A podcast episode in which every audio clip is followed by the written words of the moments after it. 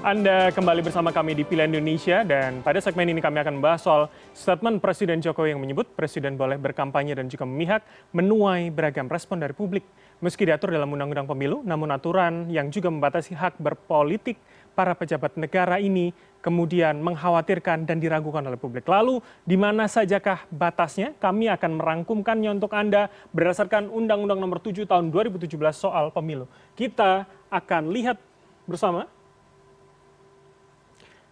Baik, kami akan merujuk pada pasal 299 ayat 1. Di sini menjadi jelas dan clear bahwa presiden dan juga wakil presiden ini memiliki hak untuk melaksanakan kampanye. Hanya saja tentu ada beberapa syarat dan juga batasan yang kemudian mengatur di mana batasan dan juga do and don'ts-nya terhadap kampanye yang dilakukan oleh pejabat negara. Nah, kali ini kami mencuplik dari pasal 281 ayat 1 bahwa batasannya adalah dua poin, yakni tidak memakai fasilitas negara kecuali pengamanan. Tentu ini pengamanan yang mengikat pada seorang presiden dan juga wakil presiden yang kemudian tidak bisa lepas meski disebut tidak boleh memakai fasilitas negara dan kemudian menjalani cuti di luar tanggungan negara. Artinya tidak boleh menggunakan fasilitas dan juga biaya negara. Ini menjadi poin penting. Kemudian kami mengutip pada pasal berikutnya yakni pasal 304 di sini disebutkan secara jelas bahwa pada ayat pertama bahwa seorang pejabat publik tidak boleh melakukan kampanye menggunakan fasilitas negara. Dan pada ayat 2 pada pasal 304 maka dijabarkan apa saja kemudian fasilitas yang tidak diperbolehkan yakni sarana mobilitas seperti mobil dan juga segala sarana mobilitas lainnya kemudian gedung kantor dan rumah dinas kemudian sarana perkantoran dan saluran telekomunikasi pemerintah. Termasuk ini adalah soal radio publik, baik milik provinsi ataupun kabupaten kota, ketika yang melakukan adalah tingkat gubernur dan juga wali kota atau bupati, dan kemudian fasilitas lainnya yang dibiayai oleh APBN dan juga APBD ini menjadi kunci penting yang menentukan mana kemudian fasilitas yang dibiayai dan tidak. Dan berikutnya, ini juga penjabaran lain yang juga menarik di pasal 282 bahwa pejabat negara pejabat struktural dan fungsional ini tidak boleh melakukan tindakan yang menguntungkan ataupun merugikan salah satu peserta pemilu selama masa kampanye.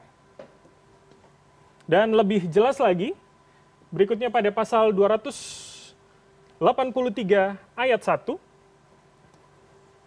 bahwa dilarang mengadakan kegiatan yang mengarahkan kepada keberpihakan peserta pemilu sebelum selama ataupun sesudah masa kampanye. Sehingga di sini clear ketika seorang pejabat negara melakukan kampanye kepada salah satu paslon menunjukkan keberpihakannya, maka harus cuti dan juga tidak boleh melakukan ataupun menguntungkan dan juga merugikan salah satu peserta pemilu.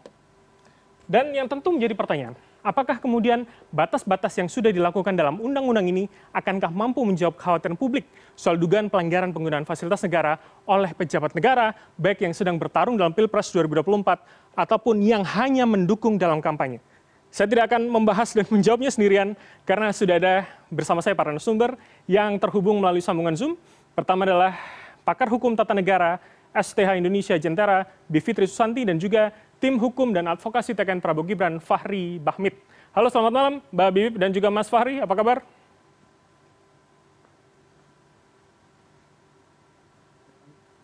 Baik, uh, Mbak Bibip sepertinya masih di mute Mbak audionya. Dan Mas Fahri selamat malam. Uh, Selamat malam, Mas. baik, oke, okay, baik. Suaranya sudah jelas semua. Saya langsung ke Mbak Bibi terlebih dahulu.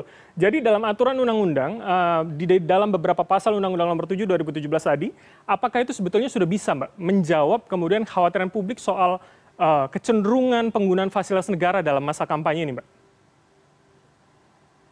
Uh, pertama, pasal-pasal itu tidak boleh dibaca sendirian. Jadi uh, dicuplik hanya pasal itu, tapi tidak melihat konteks pasalnya, eh, pasal-pasal di sekitarnya, plus outline-nya. Mhm. Jadi kalau kita membaca undang-undang, memang harus membaca juga grouping dan orderingnya untuk tahu konteksnya sebenarnya apa yang tengah diatur.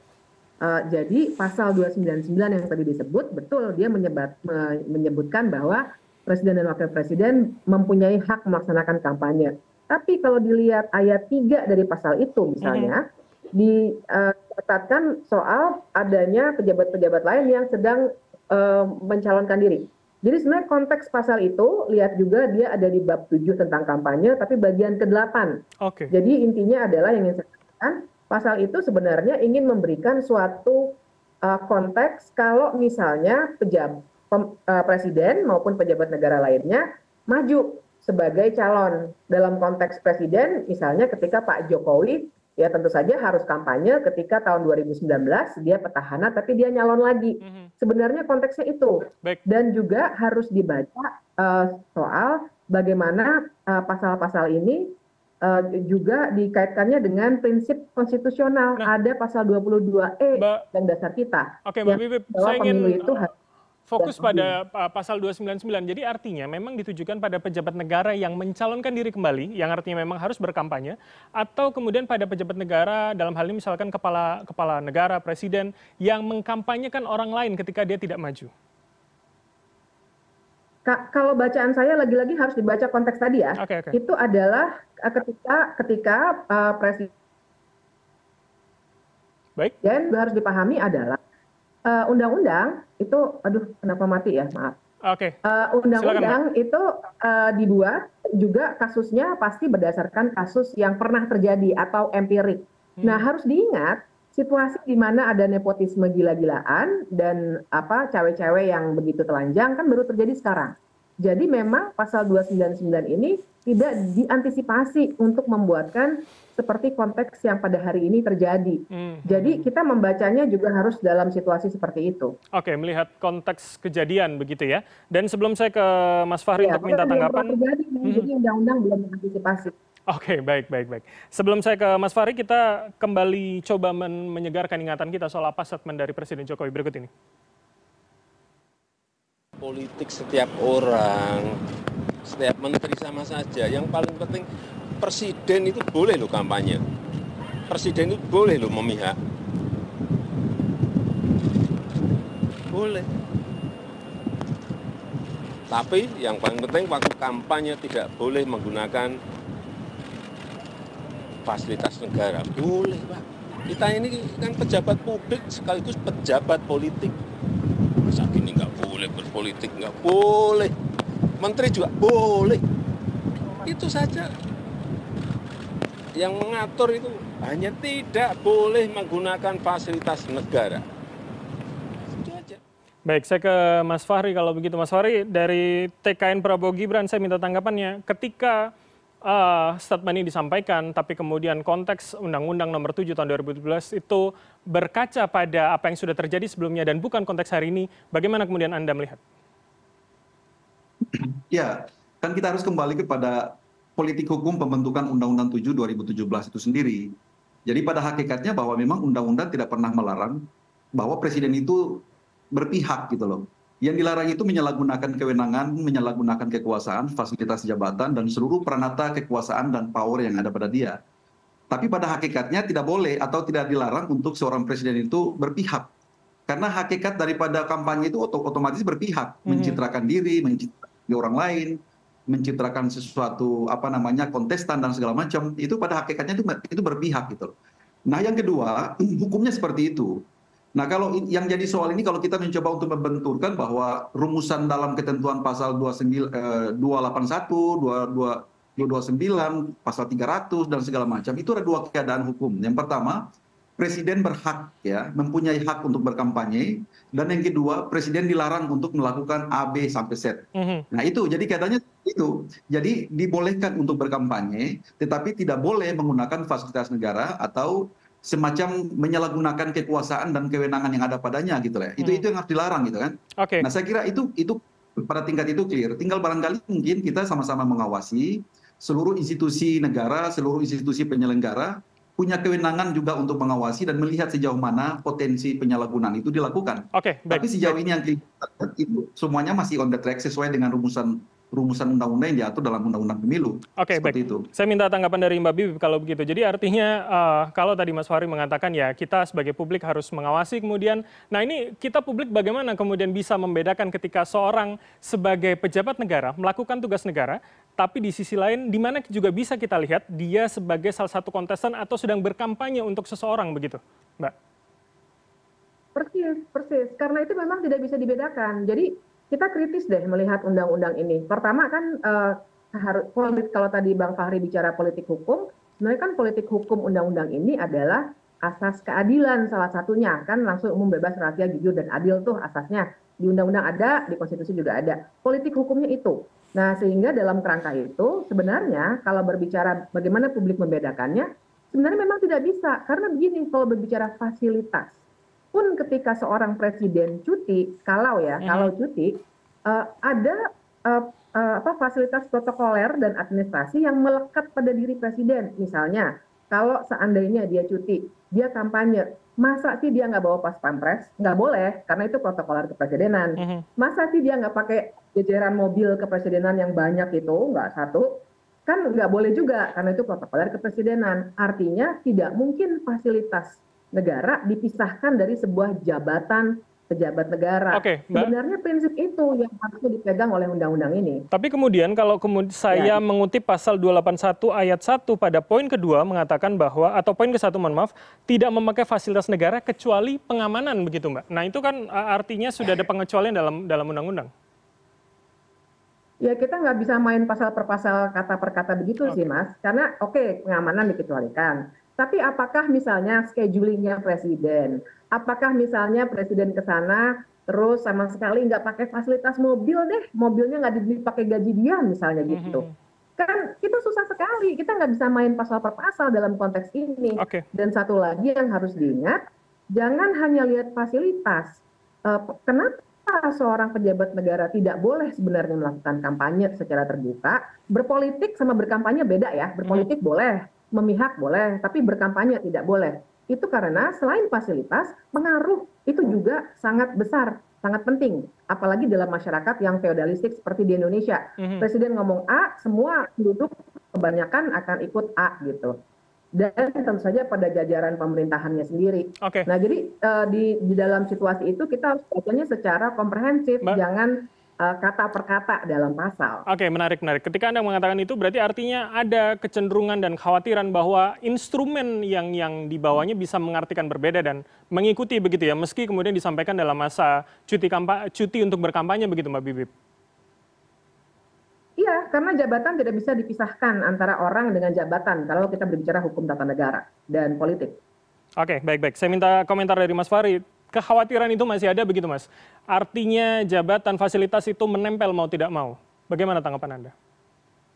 Ya kan konsekuensi dari kita ini kan menganut sistem pemerintahan presidensial ya. Kita ini bukan bukan dalam konteks menjalankan pemerintahan dengan sistem parlementer yang yang boleh orang bisa membedakan head of state dan bisa membedakan chief executive. Kita ini kan jabatan kepala negara dan jabatan pemerintahan itu melekat pada tangan satu orang presiden. Nah, konsekuensi dari sistem presidensial itu berkonsekuensi terhadap soal-soal yang berkaitan dengan kegiatan dan agenda politik. Saya mengambil contoh seperti di Amerika Serikat itu kan Obama bisa berkampanye buat Hillary Clinton dan segala macam.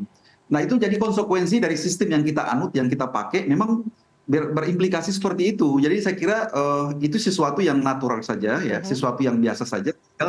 Barangkali berbagai peranata yang telah diatur ini yang kita konsisten saja melaksanakan. Misalnya dilarang tidak boleh menggunakan fasilitas negara. Tadi Mbak Bibip sampaikan bagaimana mengidentifikasi jenis eh, fasilitas apa yang dipakai.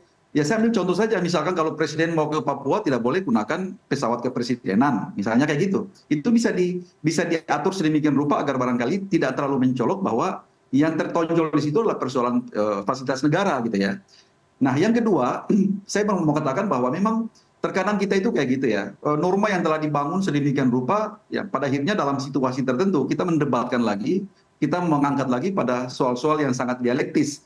Yang padahal persoalan perdebatan filsafat, perdebatan etik, perdebatan berbagai hal itu sudah harus kita awali dengan eh, pembahasan pada saat politik hukum itu, pada saat pembahasan kenapa pasal itu diatur sedemikian rupa seperti itu. Mhm, Jadi kita ini terkadang negara itu terkaget-kaget gitu loh. Norma yang sudah disusun sedemikian rupa dengan berbagai putusan MK, pada akhirnya kita kaget lagi dengan satu situasi yang konkret. oke, nah Mas saya Fahri. katakan bahwa Oke, artinya Anda dan juga TKN bagaimana menjawab soal kekhawatiran ketika memang presiden atau kepala negara itu cuti untuk berkampanye, tapi kemudian instrumen di, jau- di bawahnya menjawab atau kemudian menerima pesan itu sebagai uh, seorang individu yang presiden begitu loh. saya kira terlalu jauh. Dalam undang-undang itu kan sudah meletakkan stratifikasi rumpun jabatan mana saja yang boleh berkampanye, mana yang tidak boleh. Mana yang diharamkan, mana yang dibolehkan. Dalam rumpun jabatan ini misalnya untuk ASN itu tidak boleh sama sekali. Tapi yang dikecualikan misalnya pejabat negara. Pejabat negara itu mulai dari level presiden sampai dengan level kepala daerah. Dengan ketentuan-ketentuan yang sangat ketat. Misalnya harus 15 hari sebelum kampanye mengajukan apa namanya izin cuti dan segala macam. Presiden harus tujuh hari sebelum itu diajukan oleh Kementerian Sekretariat Negara yang diatur dalam PP 53 dan seterusnya. Saya kira semua itu ada ada norma, ada rules yang sudah diatur sedemikian rupa. Jadi saya kira kami cuma hanya melihat saja sejauh mana pengawasan itu dilakukan. Gitu ya. Kita berpositif saja lah bahwa memang semua itu seperti itu. Rulesnya sudah dia- sudah diadakan seperti itu. Baik. Jadi saya kira eh, jangan terlalu sampai apa istilahnya ada ketakutan yang berlebihan lah kira-kira tentang itu ya. Oke, saya Saya saya itu. akan bertanya kembali ke Mbak Bibip. Jadi artinya kalau kemudian hari ini PR kita Ya. adalah fokus pada pelaksanaannya, bagaimana kemudian hari ini eh, menurut Anda, Anda juga sebagai pakar hukum tata negara melihat tiga bulan masa kampanye, sudahkah id- eh, kondisi ideal tadi terjadi begitu Mbak Bibip? Nggak sampai tiga bulan bahkan ya. Eh, 75 hari. Jadi kondisi itu sebenarnya tidak tidak terjadi eh, tidak terjadi apa seperti yang kita bayangkan. Kalau kita lihat pasalnya balik lagi ke Undang-Undang Pemilu ya, seharusnya kampanye itu kan dilaksanakan dalam konteks pendidikan politik. Nah ini yang tidak ada dan bahkan kecenderungannya sekarang seperti itu.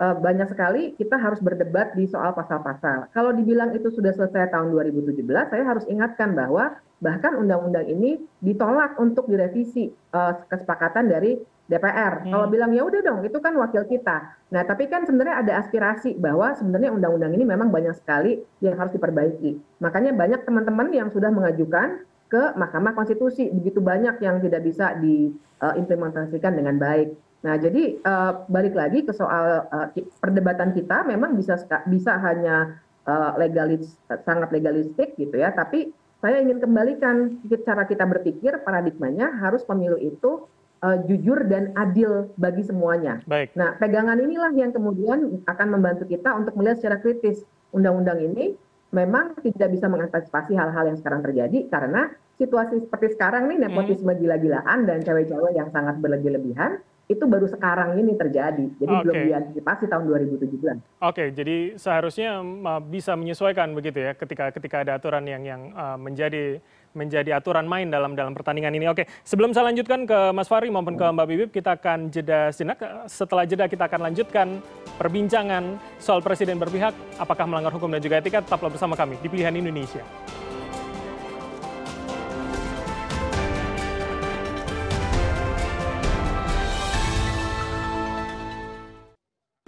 Anda masih bersama kami di Pilihan Indonesia dan saya masih akan melanjutkan dialog dengan tema Presiden berpihak apakah melanggar hukum dan juga etika. Masih dengan dua orang narasumber Mbak Bibip dan juga Mas Fahri. Tapi sebelum saya ke para narasumber, kita akan dengarkan terlebih dahulu statement ataupun respon dari para uh, peserta Pilpres terkait dengan statement Jokowi beberapa waktu yang lalu. Ini dia.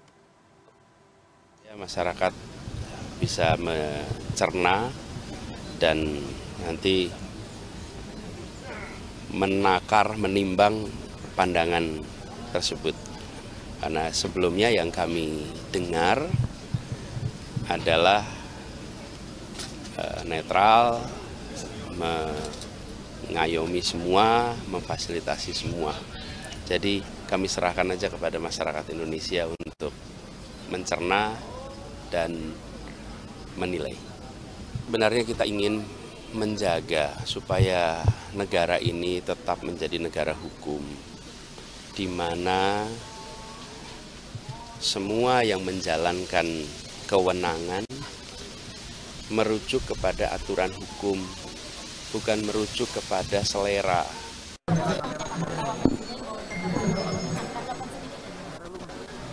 yaitu biar masyarakat yang menilai aja ya kita fokus di sini dulu Baik, ini tadi statement dari Mas Anies Baswedan dan juga Mas Gibran, dua paslon yang berbeda, namun semuanya narasinya sama mengembalikan ke masyarakat. Nah, saya ke Mbak Bibip kalau begitu. Jadi, tepatkah, idealkah hari ini ya sudah kita kembalikan ke masyarakat untuk menilai dan juga menentukan nanti begitu Mbak Bibip? kita kembalikan ke masyarakat dalam arti kalau nanti ada pelanggaran-pelanggaran yang nyata bisa dilaporkan ke Bawaslu ataupun direkam semuanya dan didokumentasikan eh, karena kita belum tahu ya bagaimana tindakan yang akan diambil didokumentasikan karena kalau memang ini semua sudah terjadi sebenarnya ini akan nanti bisa mengarah kepada uh, kategori uh, kecurangan yang sifatnya terstruktur, sistematis dan masif yang ditentukan dalam undang-undang pemilu. Tapi buat saya presiden juga sebenarnya tidak etis dan inkonstitusional kalau sudah menyatakan hal ini. Maksud saya begini, oke okay, kalau dia merasa presiden berhak berkampanye, tapi kenapa harus dinyatakan juga gitu ya? Kalau saya melihatnya ini canvassing, ini membuatkan dulu justifikasi apa yang akan dia lakukan ke depannya yang sebenarnya sudah juga dilakukan sih ya okay. beberapa kali sudah. Jadi menurut Anda gitu. tidak perlu Jadi, disebutkan secara gamblang seperti ini, Mbak? nggak perlu buat apa sih saya bingung juga nih sebenarnya itu itu tindakan yang tidak etis jadi kalau okay. dibilang uh, pertanyaannya kenapa sih kalau buat saya sih ini memang ya politik kan harus dibaca sebagai simbolisasi mm -hmm. apa yang dilakukan pernyataan Jokowi itu sebenarnya simbolisasi bahwa dia sedang canvassing dia membuatkan justifikasi terlebih dulu untuk tindakan-tindakan yang akan ia lakukan maupun okay. sebenarnya yang sudah ia lakukan juga Baik, baik. Saya minta tanggapan Mas Fari. Jadi menjustifikasi begitu Mas, apa yang kemudian akan dilakukan yang yang mengkhawatirkan begitu? Enggak, kalau saya bacanya mungkin terbalik bahwa presiden itu cuma merefleksikan fasilitas hukum yang ada dalam undang-undang, ya. Bahwa yang pertama itu haknya, yang kedua barangkali konteksnya pada saat itu wartawan ya mungkin pada doorstop itu bertanya tentang uh, persoalan kemungkinan untuk berkampanye dan seterusnya saya tidak melihat sejauh itu tentang uh, adanya kekhawatiran-kekhawatiran karena saya percaya bahwa instrumen hukum, instrumen pengawasan yang kita atur dalam undang-undang pemilu itu sudah sangat settle gitu ya. Barangkali itu yang mungkin dimaksimalkan sehingga barangkali ada satu ketakutan publik, ada satu apa namanya uh, rasa pesimisme terhadap persoalan ini bisa berlangsung secara fair atau tidak. -huh. itu bisa terawasi secara optimal. Cuman satu hal yang saya mau katakan begini bahwa mestinya perdebatan etik itu sudah harus kita hadirkan pada saat pembahasan undang-undang itu tadi disampaikan bahwa undang-undang itu barangkali sudah semacam kehilangan apa namanya uh, kebaruannya ya. Saya kira pada waktu 2019 itu ya ada pada tahun 2019 itu dalam putusan 10 2019 ya MK pernah memberikan tafsir tentang bagaimana presiden itu harus berkampanye dan seterusnya. Bahkan di situ titik tekannya adalah bagaimana agar kampanye bisa dilaksanakan tetapi memperhatikan aspek keberlangsungan dan efektivitas penyelenggaraan pemerintahan negara dan pemerintahan daerah. Jadi saya kira uh, kita kembali kepada kepada apa namanya rules itu ya sembari kita berharap bahwa memang harus ada ikhtiar kolektif okay. agar persoalan ini kita mengawal tadi Mbak Bibi sampaikan bahwa memang uh, esensi dari pemilu itu kan langsung umum bebas rahasia jujur dan adil ya itu merupakan satu kaidah konstitusional yang saya kira kita semua berpedoman pada itu dan marilah kita sama-sama menjaga agar pemilu ini tetap berkualitas ya. Oke, Mas Fari, jadi artinya mengembalikan ke masyarakat, biarkan masyarakat menilai dan juga mengawasi itu menjadi hal yang tepat begitu ya, uh, menurut Anda dan juga TKN?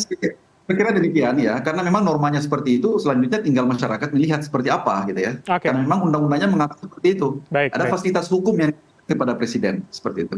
Oke, saya ke Mbak Bibip kalau begitu. Jadi artinya uh, ketika diserahkan ke masyarakat, mengawasi dan jika terjadi sesuatu hal yang tidak sesuai aturan kita bisa laporkan. Pertanyaannya, apakah kemudian hari ini uh, pesimisme itu juga ada pada penegakan uh, penegakan uh, aturan baik dari Bawaslu, Gakumdu begitu yang kemudian Gakumdu di dalamnya ada polisi yang juga menjadi instrumen presiden begitu. Bagaimana kemudian hari ini publik bisa bisa mencocokkan itu semua begitu Mbak Bibip?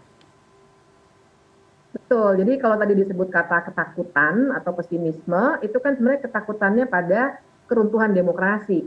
Dan pesimismenya itu bukan soal siapa menang siapa kalah, karena saya bukan tim siapa-siapa begitu ya. Buat saya, kekhawatiran saya sebagai pembelajar HTN adalah, hukum tata negara adalah demokrasi yang dibuat sedemikian rupa. Nah, jadi uh, betul sekali yang dikatakan oleh Mas Bram, bahwa sekarang juga ada ketidakpercayaan yang tinggi pada Eh, lembaga-lembaga uh, pengawasan pemilu mulai dari Bawaslu, Sentra Gakumdunya dan lain sebagainya. Itu bolehlah kita perdebatkan, tapi nyatanya memang ada sudah kasus-kasus tertentu yang dilihat, dilaporkan, diviralkan juga oleh masyarakat, dimasukkan ke berbagai platform untuk menjaga uh, pemilu, mengawasi pemilu, tapi uh, memang uh, berbandingnya sangat uh, sementara apa yang dilakukan oleh Bawaslu sendiri hmm. ternyata dari segi statistiknya rendah gitu. Nah, jadi dalam situasi itu kita bisa melihat secara kritis bahwa ada eh, bagian-bagian uh, dari penyelenggaraan pemilu maupun penegakan hukum kita yang tidak berjalan juga dengan uh, seperti yang diharapkan begitu ya, okay. karena ada kekuatan dari kepala pemerintahan dan kepala negara yang berpihak karena ini anaknya yang sedang nyalon juga. Jadi artinya bagaimana publik harus atau kemudian masih bisa percaya pada pada penegakannya ketika hari ini ya kita semua bersepakat ya sudah kembalikan pada masyarakat kepada publik begitu kan ya ini bukan hanya soal pencoblosan di 14-nya tapi proses menuju ke sana ini juga juga menjadi penting bagi kita publik untuk memastikan hasil dari Pilpres ini berkualitas begitu Mbak Bibip. Menurut saya sekecil apa pun kecurangan atau ketidakadilan yang kalaupun misalnya warga masih ragu-ragu ini benar nggak ya curang dan segalanya, rekam aja dulu. Sekarang ini cukup banyak platform-platform yang dibuat oleh kelompok-kelompok masyarakat sipil justru untuk mengantisipasi situasi yang sekarang ini sedang terjadi. Mm -hmm. Jadi ada jaga pemilu, ada jaga suaramu dan lain sebagainya rekam aja dulu, kemudian nanti kita akan buatkan peta kecurangannya. Juga ada peta kecurangan pemilu ya, ada platformnya juga. Okay. Uh, eh, sehingga nanti kita bisa mendapatkan uh, dan bisa mengkualifikasinya dalam konteks undang-undang pemilu dan penegakan hukumnya sampai di ujung nanti di Mahkamah Konstitusi. Baik, baik. Ini ketika Anda mengatakan uh, rekam saja dulu begitu, uh, gambar yang uh, kami tampilkan adalah gambar ketika ada simbol tangan uh, dua jari begitu dari dari mobil kepresidenan. Nah, saya minta tanggapan dan juga uh, respon dari Mas Fari dari TKN terakhir ini dari Anda. Jadi artinya bagaimana kita publik masih percaya ketika simbolisasinya ada, terus kemudian kekhawatiran soal tidak ditanggapi dan juga di, di uh, lakukan penegakannya oleh oleh Bawaslu dan juga kemudian ini diragukan oleh masyarakat begitu Mas Fari. Iya, kami tetap konsisten bahwa apa yang dilakukan oleh presiden itu kan tidak melanggar. Presiden menggunakan haknya gitu untuk berkampanye. Berkampanye itu artinya berpihak. Tidak ada teori bahwa yang namanya berkampanye itu netral. Ya berkampanye itu berkonsekuensi terhadap keberpihakan. Undang-undang tidak melarang bahwa presiden berpihak.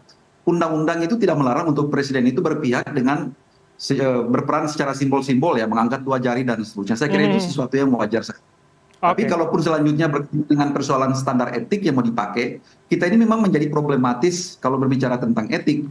Karena kenapa? Etik di sini yang dimaksud ini pada saat pembahasan undang-undang itu, norma itu dirumuskan itu harusnya etika, karena etika itu kan di atas hukum. Mhm. Etika itu derajatnya itu lebih tinggi daripada norma hukum, norma kaidah gitu ya. Jadi, nah sekarang yang jadi masalah adalah kalau presiden lakukan seperti ini, kita mau kualifisir sebagai melanggar etika apa? Etika dalam konteks kode of conduct seperti profesional, seperti orang melanggar mk eh, mk kemarin atau misalnya undang undang ke kepegawaian atau apalah gitu okay. ataukah etika dalam konteks apa gitu nah itu itu persoalan baik, baik. yang memang perdebatannya sangat, sangat filsafat sekali gitu okay, ya oke baik baik mas nah, Lari hmm. okay. normanya memang membolehkan seperti itu untuk presiden berkampanye oke okay, baik saya kembalikan gitu. ke mbak Bibip terakhir singkat saja mbak jadi artinya ketika dikembalikan etika yang mana apalagi dengan simbolisasi dua jari yang kita saksikan bersama tadi di mana sebetulnya kita bisa menjawab itu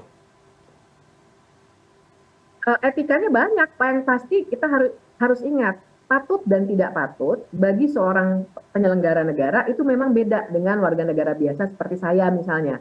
Karena uh, penyelenggara negara termasuk presiden terutama presiden kita harus lihat dalam konteks jabatannya. Dan tadi ya bisa ada implikasi pada fasilitas bisa implikasi pada pengaruh politik. Kalau saya berpihak ya nggak apa-apa tapi kita harus lihat dalam konteks jabatannya. Kita lekatkan etik itu, kepatutan itu pada jabatan dan wewenang presiden. Hmm. Itu sebenarnya yang harus kita jadikan ukuran. Oke, baik-baik. Kita akan lihat ke depan seperti apa kemudian ketika tadi sejumlah paslon mengatakan kembalikan ke masyarakat dan sebetulnya 14 Februari tidak lama lagi, mungkin sekitar tiga minggu akan terlaksana. Terima kasih atas waktu dan juga insight dari para narasumber. Pertama, pakar hukum tata negara Bivitri Susanti dan juga tim hukum dan advokasi TKN Prabowo Gibran, Fahri Bahmit telah bergabung sama kami. Selamat malam. Sehat selalu, Mas dan Mbak. Selamat malam. Terima kasih, Mbak Bibit.